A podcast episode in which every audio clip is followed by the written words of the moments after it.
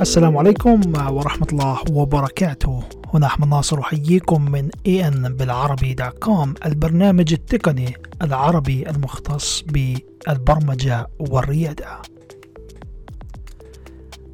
أخوكم أحمد ناصر مؤسس موقع بالعربي وشركة جرين باك اند أرحب بكم في هذا البرنامج الإذاعي بودكاست الذي سنقوم بنشره على سبوتيفاي وآبل بودكاست.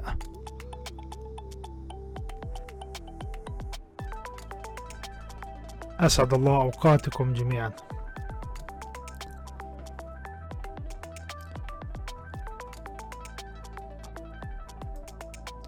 تحياتي لكم من هنا من استديوهاتنا في أحمد ناصر بالعربي وأحييكم في برنامجنا الأسبوعي برمجة وريادة حرة. في هذا البث إن شاء الله سأكون معكم للحديث عن مجموعة من الأمور والإجابة عن بعض الأسئلة التقنية التي وردتنا وتردنا على شبكاتنا وأيضا من طلابنا. آه، طبعا كما تعرفون مؤخرا قمنا بإطلاق المساق مساق دوت آي تي وهو المساق الشامل للعمل الوظيفي بالويب والحمد لله سجل معنا عدد من الطلاب وكما قلت لكم سابقا حتى لو سجل معي طالب أو طالبين س يعني أطلق المساق وأبدأ به لأنه عبارة عن التزام مني بشكل مستمر بتقديم محتوى جديد وحصري. وحتى لو فدت شخص أو شخصين هذا بالنسبة لي آه، شيء كافي. آه، لأني آه، أحاول من خلال هذه الدورات الجديدة تقديم محتوى فريد ومميز ودوراتي ليست فقط لطلابي هي دوراتي بالنسبة لي لي شخصيا أيضا. عندما أقوم بعمل دورة فأنا أقوم بتلخيص مجموعة كبيرة من الخبرات والمهارات وذلك يساعدني كثيرا على توثيقها وفهمها بشكل عميق. يعني معظم الدورات التي قمت بعملها سابقا استفدت بشكل كبير جدا. آه، والفائدة ليست فقط للطلاب بل أيضا لي يعني. فهذا شيء مميز صراحة. لهذا أنا أحب مجال التدريب بشكل كثيف جدا لأنه يساعدك دائما على تطوير مهاراتك وقدراتك. آه فمن أبرز الأمور صراحة التي آه، يعني أشعر أنها لها أهمية كبيرة في موضوع التوظيف والشركات هي المهارات الناعمة. وللأسف معظم الدورات الموجودة حاليا على الإنترنت هي موجودة بهدف آه، تعليمي للأمور التقنية. يعني يعلمونك مثلا كيف تكتب صفحة HTML وتعمل design CSS و JavaScript وما ذلك. ولكن هذه المهارات هي تعتبر مهارات صلبة وليست مهارات ناعمة. المهارات الناعمة اللي بسموها في اللغة الإنجليزية soft skills أو مهارات الناعمة مهارات المرنة أحيانا حتى يسمونها أحيانا مهارات الشخصية. فالمهارات الشخصية في بعض الوظائف تصل نسبتها إلى 80% يعني في بعض الوظائف الموجودة مثلا تشتغل في بعض الشركات الخاصة بالدعم الفني وموضوع السيرفرات و والزبائن تعامل مباشر وحثيث مع الزبائن قد تصل نسبة المهارات الناعمة إلى 80% آه، في المجالات البرمجية المهارات الناعمة أحيانا تصل إلى 30% أحيانا 40% 50% حسب نوع العمل الذي تقوم فيه. إذا كان كل ما زاد الاحتكاك مع الزبائن بيزداد الطلب على المهارات الناعمة. وكلما صار الشخص يشتغل بالخلفية يعني يشتغل آه، behind the scenes بيكون يوجد مهارات ناعمة لكن لا تقل عن 20 ل 25% فالمهارات الناعمة مطلوبة جدا لأن بدون مهارات ناعمة الشخص ما بيقدر يتواصل مع باقي أعضاء الفريق وحتى بدون مهارة الناعمة الشخص يعني المهارات الناعمة أنا بشوفها هي اللي بتميز الإنسان عن الآلة. يعني حاليا بقول لك الذكاء الصناعي والذكاء الصناعي و... ماشي الذكاء الصناعي له قوة ولكن ما في مهارات ناعمة لأنه المهارات الناعمة هي أصلا مهارات مرنة تختلف من إنسان لإنسان. وهذا الشيء بيميز تفكير وأسلوب أي شخص عن الآخر. فبالتالي تطوير المهارات الناعمة يعني هو هدف كان من أهداف عملي للمساق الشامل للعمل الوظيفي. لأنه حسيت بصراحة في نقص بهذا المجال. لا لا يتم تعليم المهارات الناعمة لا في الدورات ولا بيتم تعليم المهارات الناعمة.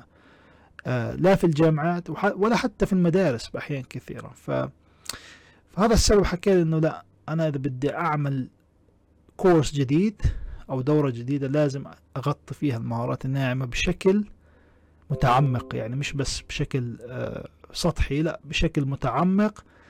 حتى في بعض الأمور اللي لازم الشخص يعرفها عشان يفهم المهارات الناعمة لازم يفهم بعض القواعد في علم النفس بعض القواعد في السلوك آه بعض القواعد إنه كيف الإنسان بفكر كيف بتكون السلوك كيف آه الإنسان مثلا ممكن إنه يتغير. قواعد علم التغيير مثلا. فالموضوع مش بس والله مهارات ناعمة أعرف أسماء والله بدي أعرف okay مهارات الناعمة لازم أعرف مهارات علم الاتصال. كيف أتواصل مع الناس. okay هي جزء. بعض المهارات الناعمة لازم تعرف كيف تحكي قصة. تعرف توصل فكرة عندك في راسك. تعرف كيف تعمل عرض. فالمهارات ناعمة كلمة وسيعة وكبيرة. وصراحة لما حضرت إني أقدر أعطي دورة ضمن ضمن هيكون في عندي مهارات ناعمة الموضوع أخذ مني فترة طويلة. و يعني ممكن سنوات عشان أقدر أحكي في هذا الموضوع. فالموضوع باختصار موضوع يعني مطلوب جدا بالشركات وبيتم التركيز عليه من قبل الشركات الأمريكية خصوصا. ممكن العربية مش كثير يعني ممكن اللي قابلك أصلا ما يعرفش يعني مهارات ناعمة يعني في الشركات العربية. بس بالشركات الأمريكية هذا الموضوع مطلوب بشكل كبير جدا لأنه بحدد نجاح نجاحك بشكل خاص في الشركة اللي راح تشتغل فيها ونجاح الشركة يعني. آه فهذا الموضوع آه يعني ساخن جدا وهي من الأمور اللي إحنا بنغطيها في المساق الشامل للعمل الوظيفي. أهلا وسهلا فيكم جميعا معنا في اللايف. طبعا خلال هذا البث أي حدا عنده سؤال استفسار ممكن طبعا يطرح علينا في أثناء البث.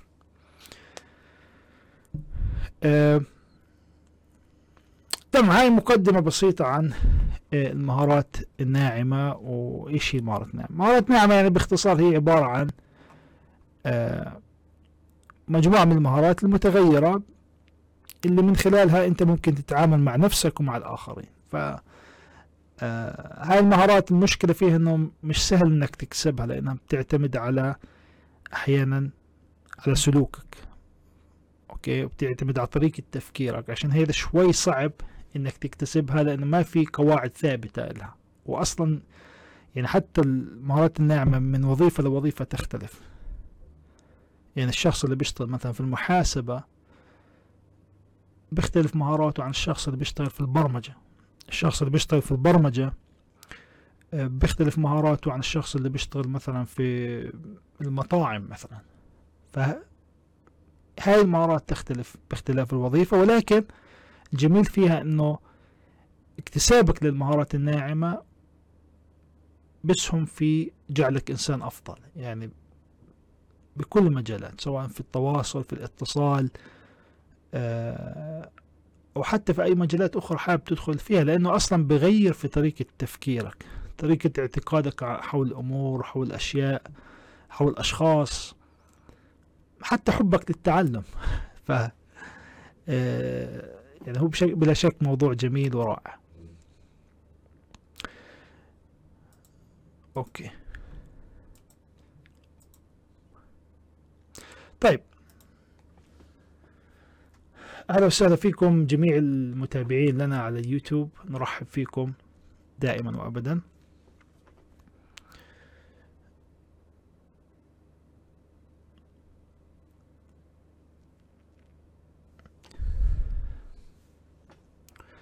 فعودة لمهارات الناعمة. المهارات الناعمة باختصار هي عبارة عن مجموعة من الصفات الشخصية ممكن تعتبرها اللي بتحدد قدرة الشخص إنه يتعامل مع الآخرين وأيضا مع نفسه.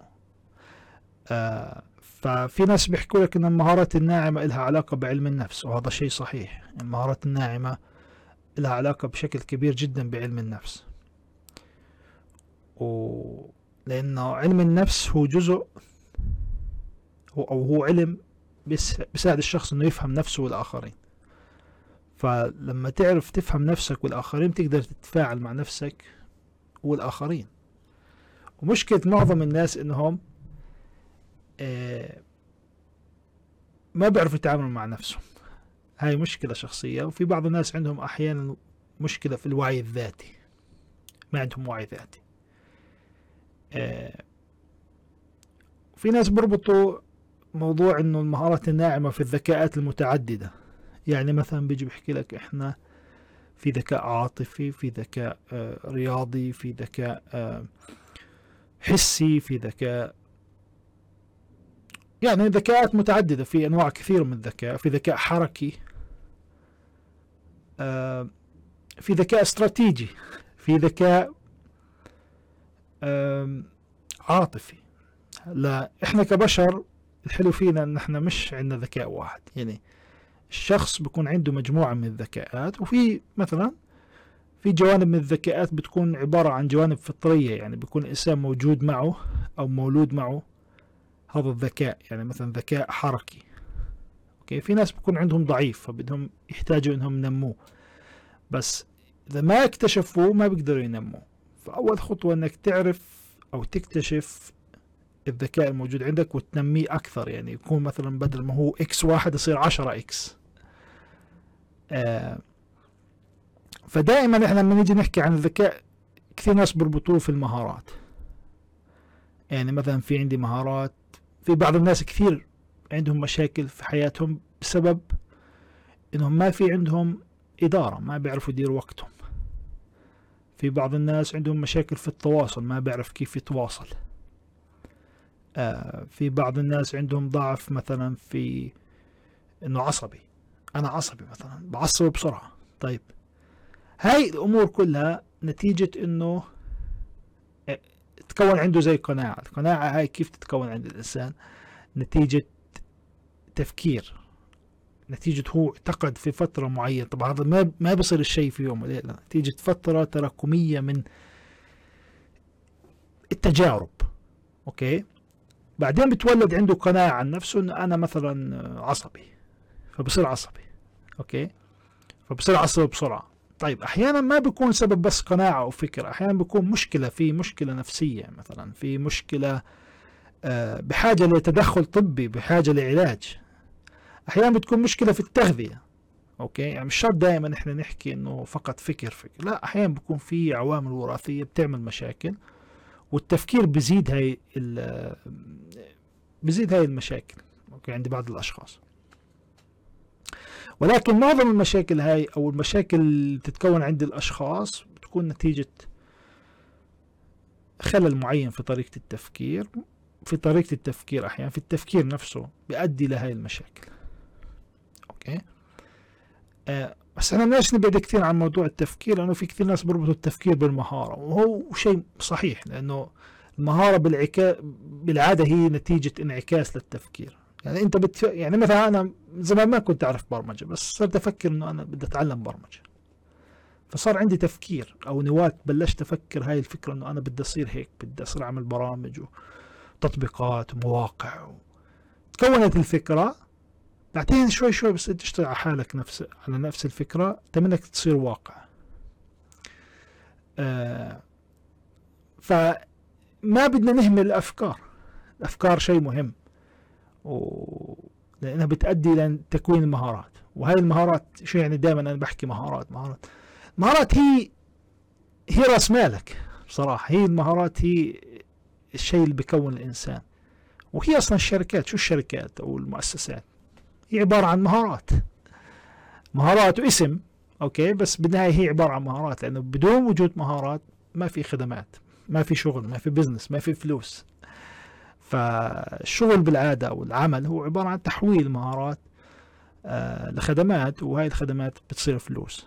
هاي هي ال business هاي هي خدمات ال services يعني بشكل عام البرمجة التصميم. هاي هي المهارات الصلبة بس بالنهاية الناس اللي بدهم يشتغلوا فيها هم أشخاص آه لازم يكون عندهم مش بس مهارات صلبة مش بس أعرف كيف أصمم مش بعرف أشتغل على البرامج لا مش بس هيك. لازم يكون عندهم أيضا مهارات ناعمة عشان على الأقل مثلا لما بده يشتغلوا مع زبون يعرف كيف يتعامل مع زبون يأخذ متطلبات مشروع يتواصل مع زبون يفهم زبون يستمع لزبون يقنع زبون يعني مهارات متعددة. هاي المهارات مش بس مهارات تقنية هاي مهارات هي مهارات ناعمة okay؟ لأنها مهارات آه بتعتمد على التواصل مع الناس. حتى في فرق البرمجة تفكروا فريق البرمجة بس بكتب كود؟ لا. يعني فريق البرمجة هو عبارة عن مبرمجين مبرمج بيشتغل مع مصمم بيشتغل مع مدير بيشتغل مع HR مع whatever هاي المهارات في التواصل بين الناس تختلف بين شخص لآخر وضروري تكون على الأقل موجودة بالحد الفعال عشان ينجح تنجح ينجح المشاريع وتنجح الأفكار وتنجح آه، المؤسسات والشركات بالنهاية. عشان موضوع المهارات الناعمة موضوع مهم جدا يعني. موضوع آه ليس بسيط يعني. أوكي؟ وبحاجة بصراحة لتغطية وتعليم. على الأقل انك تعرف إنه في مهارة زي هاي. في ناس كثير بيكون عندهم مهارات على فكرة ومش عارفين إنه عندهم مهارات. في ناس ما بيكون عندهم المهارات ومش عارفين إنه عندهم مهارات. فالموضوع يعني صراحة بحاجة إنه الشخص ينظر للمهارات الناعمة بشكل متعمق. وعشان هيك أنا عملتهم في عملت هاي الكورس المهارات الناعمة. عملته ضمن آه، المساق dot IT مساق العمل الوظيفي الشامل بالويب. ولا يعني العمل الوظيفي إنه العمل غير وظيفي أو العمل الحر بحاجة ل ليس بحاجة لمهارات ناعمة. بالعكس في أحيان كثيرا العمل الحر يعني بتكون المتطلبات المعرفية في المهارات الناعمة في العمل الوظيفي بتكون مسلمات في العمل الحر فعشان هيك أنا دائما برجع وبحكي إنه أنا الأخطاء اللي عملتها في حياتي إنه أنا بلشت أدرس عمل حر. بلشت أعلم مهارات العمل الحر لأنه أنا بفترض افترضت إنه هاي المهارات موجودة عند الأشخاص اللي بيشتغلوا بالعمل الحر وللأسف كانت هاي فرض غير صحيح لأنه معظم الناس اللي آه، بيفشلوا في العمل الحر هم أشخاص لا يمتلكوا مقومات العمل الحر اللي هي موجودة في العمل الوظيفي مسلمات بتكون في العمل الوظيفي زي المهارات الناعمة. فإحنا ما بدنا فقط مهارات صلبة okay بدنا أيضا مهارات ناعمة. فهاي هي آه، الفكرة في الموضوع. أهلا وسهلا فيكم جميعا. أهلا يا عرب GSM. آه، بتقدر تدخل على موقعي على أحمد ناصر بالعربي وتقدر تطلع على المشاريع اللي أنا مشتغلها وبتقدر تدخل على موقع الشركة على Green Backend وبتقدر تدخل على موقع MyWeb تشوف مجموعة من الأعمال. وإذا حابب أيضا تشتغل معي أو تشوف بعض أعمالي ممكن تتواصل معي على الواتساب بشارك معك مجموعة من الأعمال آه، لأنه في بعض الأعمال ما بقدر أحطها public والله. في بعض المشاريع اللي أنا مشتغل عليها مع زبائن ما بقدر أحكي إن أنا اشتغلت مع هذا الزبون. لكن موضوع يعني مش يدخل على موقع الشخصي okay؟ ادخل على بالعربي وشوف موقعي okay؟ موقع أنا بنيته بنفسي أوكي؟ ادخل على موقع الشركة Green Backend راح تشوف موقعنا أجزاء موقعنا. بجوز بدك يومين وانت فقط تتصفح في الموقع. okay؟ نفس الشيء موقع بالعربي بجوز بدك شهر قبل ما تقدر تتصفح الموقع وتخلص تدخل لك لفة فيه موقع ضخم يعني منصة أيام بالعربي. آه، في بعض الدورات اللي أنا عاملها وانت تتصفح تقرأ بس عن الدورة راح تقعد لك مثلا ساعتين. okay؟ في بعض الأشياء اللي أنا عاملها المشاريع ممكن تدخل عليها وتتصفحها يعني مش مش إشي سري يعني. ادخل على جوجل ابحث أحمد ناصر بالعربي راح يفتح لك موقع. الصفحة الأولى رقم واحد في جوجل. وادخل تصفح الموقع تقدر تشوف نبذة عني عن أعمالي الناس اشتغلت معهم مشاريعي آه البراندات اللي اشتغلت معهم ناس مشاهير اشتغلت معهم. آه، فهذا شيء مش سري يعني. أنا بالعكس بفتخر إنه آه، أحكي مع مين اشتغلت وبحكي على موقع إنه أنا مش متاح دائما يعني. الناس اللي بيشتغلوا معي بالعادة أحيانا بينتظروا شهرين ثلاث أربع شهور أحيانا ست شهور عبين ما أقدر أشتغل معهم لأنه أنا كأحمد ناصر ما مش فاضي دائما أشتغل مع أي زبون يعني. الزبائن بدهم يشتغلوا معي بالعادة بيكون في تنسيق طويل الأمد معي آه عبين ما أقدر أشتغل معهم. لأنه أنا بالنهاية الشغل عندي مش بس شغل الشغل بحاول إنه أحل مشاكل للناس أشارك خبرات أتعلم آه آه فالشغل بالبرمجة بالنسبة لي هو صح بشتغل عشان فلوس اولا وأخيرا ما حدا بيشتغل مجانا ولكن بالنسبة لي شغلي في البرمجة مش بس فلوس. okay؟ يعني مش أي مشروع بشتغل فيه. يعني بحاول ان أختار المشاريع آه، بحيث إن أنا لما أشتغل في هذا المشروع أكون أنا مبسوط يعني أكون آه، فهاي شوي أحيانا بتسبب إنه ما بقدر أخذ كمية كبيرة من المشاريع. okay يعني باخذ كم مشروع بالسنة آه، وبشتغل في أمور ثانية يعني زي الدورات الاستشارات آه، بالإضافة للبرمجة بالإضافة إن عندي شركة استضافة وخدمات سحابية فشغلي منوع يعني مش لأنه أنا بصراحة كأحمد ناصر ما بحب الشيء الثابت دائما. يعني حتى المشاريع اللي بشتغل فيها مع الزبائن أكبر مشروع ممكن أشتغل عليه ست شهور. أوكي ما بشتغل لفترة أكثر من ست شهور. آه، فبحاول أشتغل ضمن هاي الامكانيه ضمن هذا الوقت. okay لأن إذا بشتغل مشاريع طويلة آه، أنا شخصيا بمل منها. ما بحب أشتغل مشاريع طويلة الامد فمعظم المشاريع اللي بشتغل عليها بتكون فترتها ما بين آه، شهرين ل maximum ست شهور. okay؟ والفريق اللي عندي فريق صغير يعني ما مش مش معنى أكبر الفريق اللي عندي يعني بحاول انه الفريق يكون عندي بحدود عشر أشخاص فقط ما يزيد عن عشرة. آه والشخص أي واحد بيشتغل معي بالعادة بيكون عنده مش بس مهارة واحدة يعني بيشتغلوا معي بالعادة بيكون عندهم multi آه skills يعني بيكون يشتغل مثلا backend و frontend بيكون يشتغل آه آه تطبيقات مع backend okay؟ بيكون يشتغل تصميم مع frontend يعني مش بس والله بعرف بس اتش تي إم إل وسي إس إس. لا أيضا بيعرف يعمل mockups بيعرف يعمل presentation uh, بيعرف uh, يتعامل مع الزبائن. فبالعادة ال criteria اللي أنا باخذها في اختيار الناس اللي بيشتغلوا معي شوي صعبة. يعني مش أي واحد بيشتغل معي. لأنه أنا مش مش شخص سهل. uh, يعني شوي ال criteria تبعي في الشغل صعب أن أقبل أي حدا. okay؟ يعني ما بقبل خريج جديد والله واحد متخرج. صعب صعب جدا أكبر واحد خريج إلا تشوف أعماله أو أدربه لفترة طويلة بعدين آه، يشتغل معي. وحتى الدورات اللي أنا بعملها كان هدفها في البداية إنه اشارك خبراتي واعلم الناس اللي بيشتغلوا معي. بعدين حكيت إنه مش بس الناس اللي بيدخلوا معي بتستفيدوا خلينا نفيد كل الناس. وعشان فتحت دوراتي للجميع أنا في البداية لما كنت أعمل دورات آه، بلشت أعمل دورات زي سي شارب آه، زي MVC.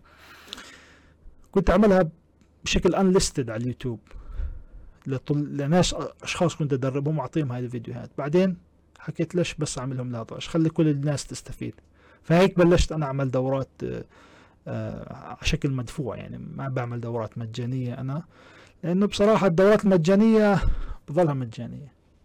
أوكي؟ ما ما في فرصة إنك تقدر تقدم أكثر ما هو مجاني. مش مجاني خلاص بكون جاي يتعلم بكون عنده جدية أكثر. مجاني بظل مجاني عشان هيك أنا آه، ما بعطي منح حتى مجانية في دوراتي أو آه، بس اللي مستعد يدفع ويستثمر بنفسه بس. هاي قاعدتي من زمان من 2015 اليوم وأنا متبعها.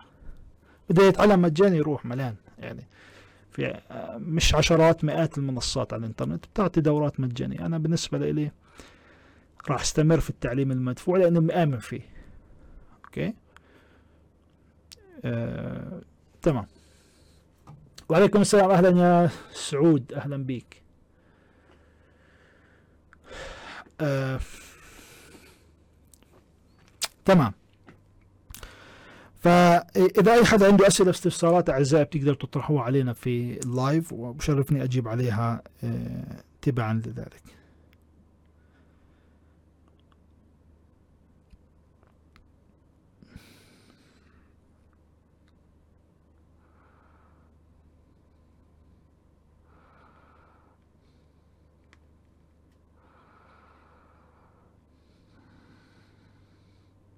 تمام. آه، تمام في معنا سؤال هنا. آه، بيسأل سعود سعود بيسأل عن أريد أن أسألك عن تحليل البيانات بالبايثون. آه، شوف تحليل البيانات هو عبارة عن آه، علم يعني دراسة كاملة data analysis تكون مع تحليل بيانات سابقة. يعني لازم يكون عندك الملفات أو ال data هي تقدر تحللها. هلا بدك تستخدم مكتبات مثلا في البايثون في عديد من المكتبات اللي ممكن إنك تستخدمها عشان تقدر آه، تحلل البيانات في البايثون. فممكن فقط تبحث على جوجل اكتب مثلا data analysis in Python samples أو examples راح يعطيك أمثلة على مكتبة حتى أكواد على الجيت هاب آه بتقدر تستفيد منها وتشغلها. البايثون لغة سهلة يعني. البايثون من أتفه اللغات اللي أنت ممكن تتعلمها لأنها أصلا انبنت آه بشكل سلس يعني. السهولة في البايثون هي core من ضمن اللغة. ف آه مثلا تيجي تحكي لي شو أسهل طريقة أعمل image processing مثلا؟ أكيد بايثون. data analysis بايثون. يعني هاي أمور البايثون قوية جدا لانها سريعة في في في ال processing لل data طبعا في لغات اليوم أيضا أقوى من البايثون في هذا الموضوع زي مثلا لغة ال Go Go language فأسرع من البايثون آه طبعا في لغات كثيرة عم تطلع فيها مزايا ولكن شوف دائما أنا ما بحب هذا السؤال مين أفضل لغة هاي هاي اللغة أفضل ما, ما بحب أصلا حدا يسألنا هذا السؤال لأنه ما في شيء اسمه هاي اللغة أفضل من هاي اللغة. دائما آه في عندك بكون مزايا قوة بهاي اللغة. في عندك مجتمع لهي اللغة. في عندك آه نقاط قوة في هاي اللغة. آه منصات مكتبات مبنية بهاي اللغة. هاي بتحدد إذا هاي اللغة قوية أو لا. يعني مثلا بيجوا بيحكوا له PHP لغة قديمة وما حدا بيستخدمها لا مين حكى لك إنه ال PHP لغة قديمة؟ ليش يعني أنت بتفرض ان ال PHP لغة قديمة؟ طب ليش 70% من المواقع في العالم مبنية في البي إتش بي؟ مثلا لو لغة قديمة. لا مش لغة قديمة. أنا بتشرف إنه موقعي مبني في ال PHP.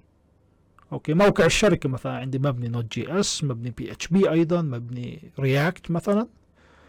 لكن لا يعني إنك تستخدم PHP ما تستخدمش Node يعني. أوكي؟ حتى الفيسبوك آه، بالبداية بنوه على ال PHP بعدين طور شو استخدموا Node بعدين استخدم يعني تقنيات ما فيها شيء أفضل من شيء. فيها آه، جوانب تميز أوكي؟ highlights ولغات البرمجة دائما في تطور مستمر. يعني أنت ما بتيجي بتحكي لي واللغة ال PHP 5 تقارنها بلغة ال PHP 8 مثلا. ما في مقارنة. يعني حتى ال socket صار يندعم في لغة ال PHP يعني. فالموضوع مش بس إنه آه وال socket بداية ظهوره كان في ال Node مثلا Socket.IO. فالموضوع يعني آه التقنيات دائما في تطوير والتقنيات بتأخذ من بعضها. أوكي؟ يعني مثلا مبدأ scaffolding اللي عمله يوكيهيرو ماتسوموتو في لغة ال Ruby on Rails تم عمله في ال PHP في ال Laravel وفي ال CodeIgniter وفي ال Symfony framework يعني مش ال ال الأمور هاي كيف مثلا فيسبوك بيجي بيعمل feature أو مثلا أعطيكم مثال Snapchat أول تطبيق عمل مبدأ story راح الانستغرام عمل story بعدين طلع concept جديد اللي هو التيك توك كله story بس short videos بعدين يوتيوب حكوا إحنا التيك توك أحسن من إحنا ما نعمل شورت بدناش نسميه آه طيب الانستغرام حكوا هم اليوتيوب أحسن مننا نعمل reel. فالمبدأ التقنيات ما في شيء احتكار. في دائما آه، يعني أعطيكم مثال أول ما تعلمنا لغة في الجامعة تعلمنا C بعدين تعلمنا لغة ال Java.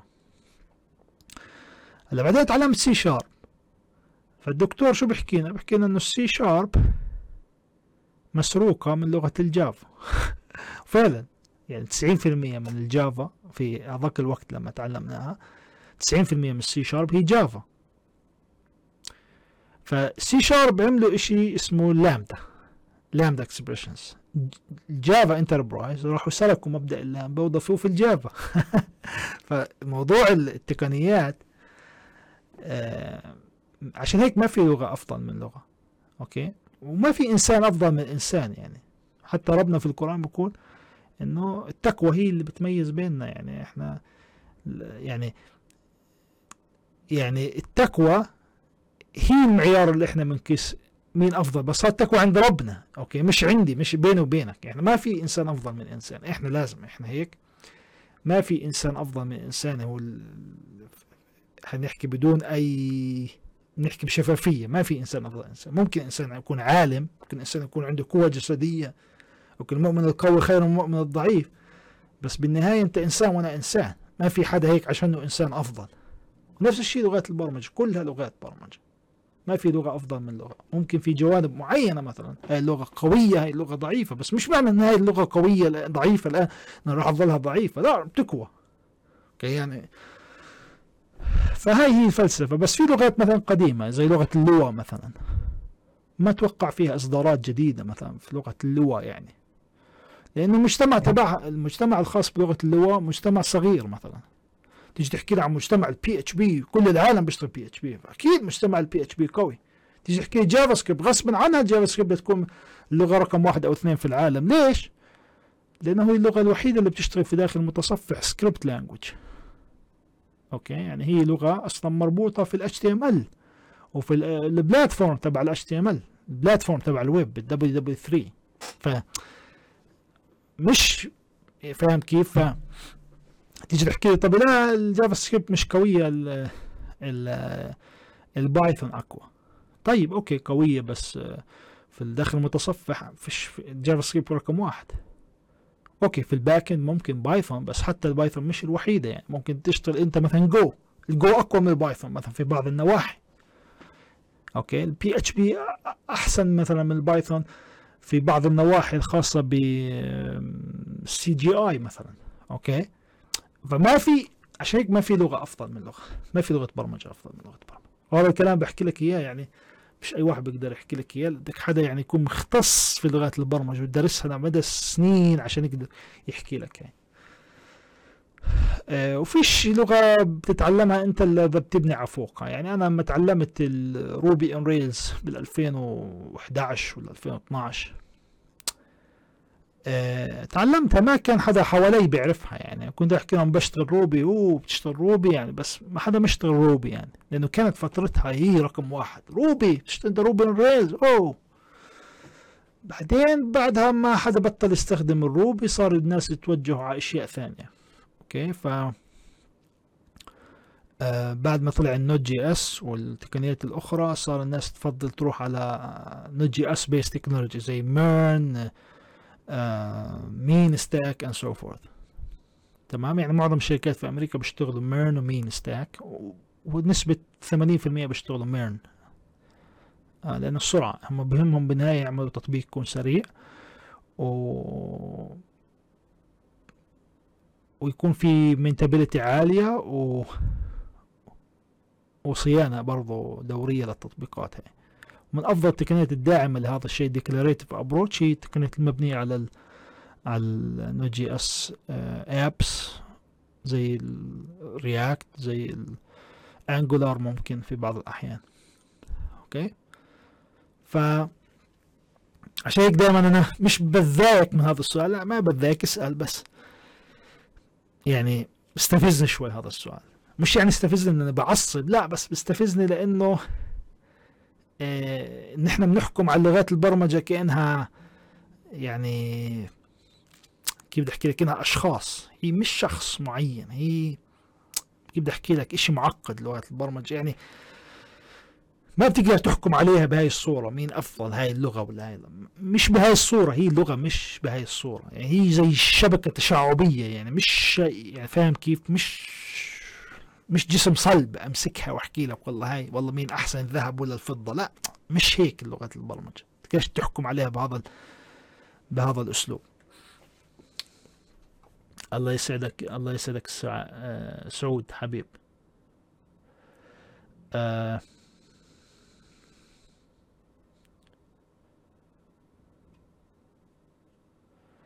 في عندي حلقة على اليوتيوب بقدر أشاركها معك في التعليقات. في عملت حلقة عن الموضوع في عن موضوع ال sample data كيف ممكن تشتغل عليها.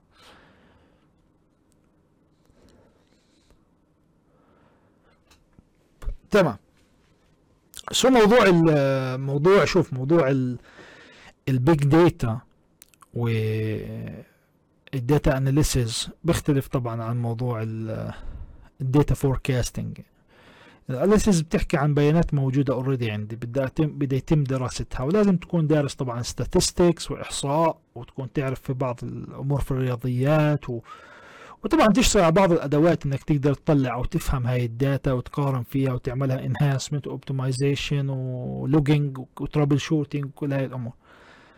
آه طبعا أنا مش تخصصي أحكي لك عن data analysis لأنه أنا تخصصي بشكل عام بالبرمجة. يعني أنا بحب برمجة الويب وبشتغل في برمجة الويب. عندي شركة لبرمجة الويب واستضافت لمواقع الويب. هاي هي هي لعبتي. يعني هاي تخصصي اللي بشتغل فيه من سنوات. وخلص هذا التخصص اشتغلت فيه وحبيته. آه، حتى من أيام ما بلشت في الجامعة وكنت في الجامعة أخذت مادة الويب و وكانت من أحسن المواد اللي يعني حسيت نفسي فيها يعني. وكنت أشتغل حتى في أيام المدرسة كنت أشتغل إتش تي إم إل وسي إس إس. بس كنت اشتغل برامج زي Dreamweaver وهيك. كنت بحب التصميم. أنا بشكل عام يعني أول ما بلشت حياتي بلشت كمصمم بعدين من التصميم تحولت لتصميم ويب. يعني ما بلشت من البداية إنه أنا أعمل آه، مواقع ويب من أول. لا أنا بلشت تصميم عادي. يعني أصمم Photoshop وبعدين طورت شوي صرت أصمم على Multimedia Builder على SWiSH على فلاش شوي شوي تطورت حتى صرت أعمل slideshow slideshow PowerPoint أصمم أشياء على ال PowerPoint بعدين تطورت على ال Flash وال SWF SWiSH وهي التقنيات. آه بعدين شفت إنه لا لازم أتعلم برمجة ويب. يعني لازم أدخل أكثر في الويب. آه فهاي هي الطريق اللي أنا مشيت فيها. يعني أنا بالأساس مصمم يعني بالأساس خبرتي هي كتصميم وتصميم print يعني. كنت أشتغل print وأيضا digital. بعدين توجهت نحو الويب دراسة ال web. okay؟ ف آه فهذا المجال اللي أنا حبيت شفت نفسي فيه لأنه بدمج ما بين التصميم والبرمجة بنفس الوقت. البرمجه أنا كتخصصي في البرمجة وكشغف في البرمجة بحب أكتب كود وأحل مشاكل. أنا يعني هدف رئيسي من البرمجة مش البرمجة نفسها هدفي إني أحل مشاكل. okay؟ هاي اللي حببتني في البرمجة. ف اخذت في البرمجة بس شفت إنه بدي أقدم حلول بس مش أي حلول بقدم حلول تكون مميزة شكل ومضمون ومحتوى وكذا. ف عشان تعلمت يعني دخلت في عالم التصميم منيح وتقنيات التصميم وأنا بهمني برضو إشي عملي. يعني عشان هيك بتشوفني خلال الست سبع سنوات الماضية معظم الدورات اللي أنا عملتها والمشاريع اللي أنا عملتها شخصيا هي مشاريع كانت عبارة عن مواقع أو مشاريع في ال WordPress ليش WordPress لأنه سريع. يعني أنا كنت أعمل موقع جاهز أسلمه للزبون مثلا خلال شهر شهرين مثلا يستلم الموقع ال WordPress مع نظام إدارة كامل. بالمقابل لو بدي اشتغل مثلا from scratch بدك ثلاث شهور أربع شهور فأنا بختصر نص الوقت في التصميم على تقنيات سريعة زي ال WordPress فلما بلشت أقدم حلول وأعمل مواقع لزبائن.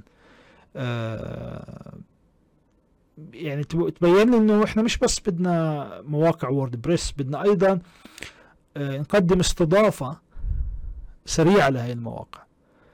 فمن 2015 تقريبا بلشت أعمل خدماتي as agency يعني في موضوع موضوع تصميم المواقع وصممت يعني بتحكي من فترة 2000 2012 ل 2015 في بعض المشاريع اللي أنا اشتغلت عليها في هاي الفترة ثلاث سنين وصلت تقريبا المشروع الواحد خمسين ألف دولار.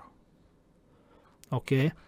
يعني كنت أشتغل مع الشركة اللي كنت أشتغل فيها سابقا قبل ما أفتح شركتي الخاصة حتى قبل ما أشتغل حسابي. في بعض المشاريع اللي أنا كنت أعملها كانت تكلفة المشروع خمسين ألف دولار وكم كنت أقعد في المشروع؟ شهرين. فأنا كنت أجيب للشركة اللي أشتغل فيها خمسين ألف دولار خلال شهرين. ف إيه، المدير حكى لي أنت كنز بالنسبة للشركة. okay؟ وفترة اللي أنا بلشت فيها كان الناس اللي بيشتغلوا في ال WordPress ناس نادرين. يعني نادرين جدا في الفترة هذه. لليوم اليوم ما زال الناس اللي بيشتغلوا تطوير في ال WordPress مش بيجيب ثيم وبركبه لا. بنطور في ال WordPress. آه لحديث اليوم ناس مش كثير اللي بيشتغلوا development في ال WordPress. ف يعني هاي كلها ساعدتني إنه okay بدناش بس نقدم خدمة WordPress بدنا نقدم استضافة. طيب ما في عندك GoDaddy بس GoDaddy زفت في ال WordPress طيب في عندك Bluehost DigitalOcean كذا كذا كذا. WP Engine اشتغلت معهم كنت فترة as an agency مع ال WP Engine فتعلمت منهم أسرار صراحة. ال WP Engine لما اشتغلت معهم تعلمت منهم أسرار في إدارة الووردبريس الكاشنج الاوبتمايزيشن الديستريبيوشن الأمور لها علاقة بالسيرفرات. فبعدها حكيت إنه عرفت شو كيف بيشتغلوا بالضبط ال WP Engine فبعدها حكيت إنه لا أنا ما ما راح أستمر مع WP Engine خصوصا لما قدرت أوفر حل نفس اللي بيقدموه WP Engine وأحسن بأكثر من تقريبا تحكي عن 20% من السعر. يعني يعني WP Engine كان يكلفنا ال server لبعض الزبائن بالسنة حوالي 4000 دولار. okay؟ قدرت أنا أعمل نفس ال server نفس القوة والإمكانيات بس امكانيات أعلى بسعر مثلا 300 دولار 400 دولار. تخيل يعني. فهاي الفكرة اللي أنا بلشت فيها Green Backend وكنت بدي أقدم حلول سحابية واستضافة. طبعا الموضوع مش بيوم وليلة يعني الموضوع أخذ مني تقريبا سنتين أكثر من سنتين. يعني وصل عندي تقريبا آه عدد زبائن محترم. يعني تقريبا أكثر من 20 زبون اللي بلشت فيهم. نقلتهم كلهم عندي على السيرفرات. فأنا بلشت Green Back ما بلشت Green Back من الصفر يعني. كان عندي already زباين نقلتهم عندي على السيرفرات. بعدين شوي شوي كبرنا Green Backend والحمد لله يعني في تطور مستمر. فليش بحكي لكم هاي القصة؟ مش عشان أحكي لكم والله أنا عندي شركة لا. الموضوع إن الموضوع مش بيوم وليلة بصير يعني. أي شيء أي حلول يعني. إحنا حياتنا كلها قائمة على التجربة. أنت بتجرب بتشوف الأشياء بتزبط معك. إذا زبط معك بتقويه ما زبط معك بتوقفه. يعني أنا في جرين باك كثير أفكار بلشتها وكثير مشاريع بلشتها. ووقفتها اذا ما نجحت. وفي المقابل في بعض الافكار بلشتها وأمنت فيها ونجحت في السوق. صار في عليها طلب صار في ناس حابة تشترك بهذه الخدمة تستفيد منها واستمريت فيها. أه وفي أفكار تعبت فيها كثير كثير كثير وفشلت. في أفكار يدوبني عملت ربع العمل الشغل فيها وشت... ونجحت. فسبحان الله يعني هيك الحياة. بس بالنهاية أنت بدك تحاول تقدم شيء جديد تساهم يعني تقدم خدمات مستمرة وتطور نفسك. أنا هاي شعاري دائما إنه أنت كمطور مش بس فقط مطور كود. أنت مطور أيضا مطور بتطور نفسك بتطور ناس الآخرين حواليك بتطور حياتك. هاي شعاري دائما في التطوير إنه مش بس تطويري إنه أنا بدي أكتب كود. أوكي؟ عشان هيك تشوفني أنا خلال السنوات الماضية دخلت في مجالات كثيرة يعني. آه زي التسويق الرقمي زي آه إيش بدكم؟ تصميم. حتى عم بدخل بطور نفسي شوي شوي أدخل في مواضيع أخرى. يعني مش بس لها علاقة في في البرمجة والتصميم. بس هاي الأمور بتأخذ وقت قبل ما أنت تقدر توصل لمرحلة إنه تقدر أنت نفسك تفيد نفسك وتفيد الآخرين. الله يسعدك. طيب. إذا حكينا بشكل تفصيلي اليوم أو بشكل مجمل هيك مختصر عن المهارات الناعمة وأهمية المهارات الناعمة و يعني بشكل تفصيلي أنا في المساق بحكي بشكل تفصيلي عن مثلا الفرق بين المهارات الناعمة والمهارات الصلبه إحنا في البرمجة شو المهارات الناعمة اللي بنحتاجها؟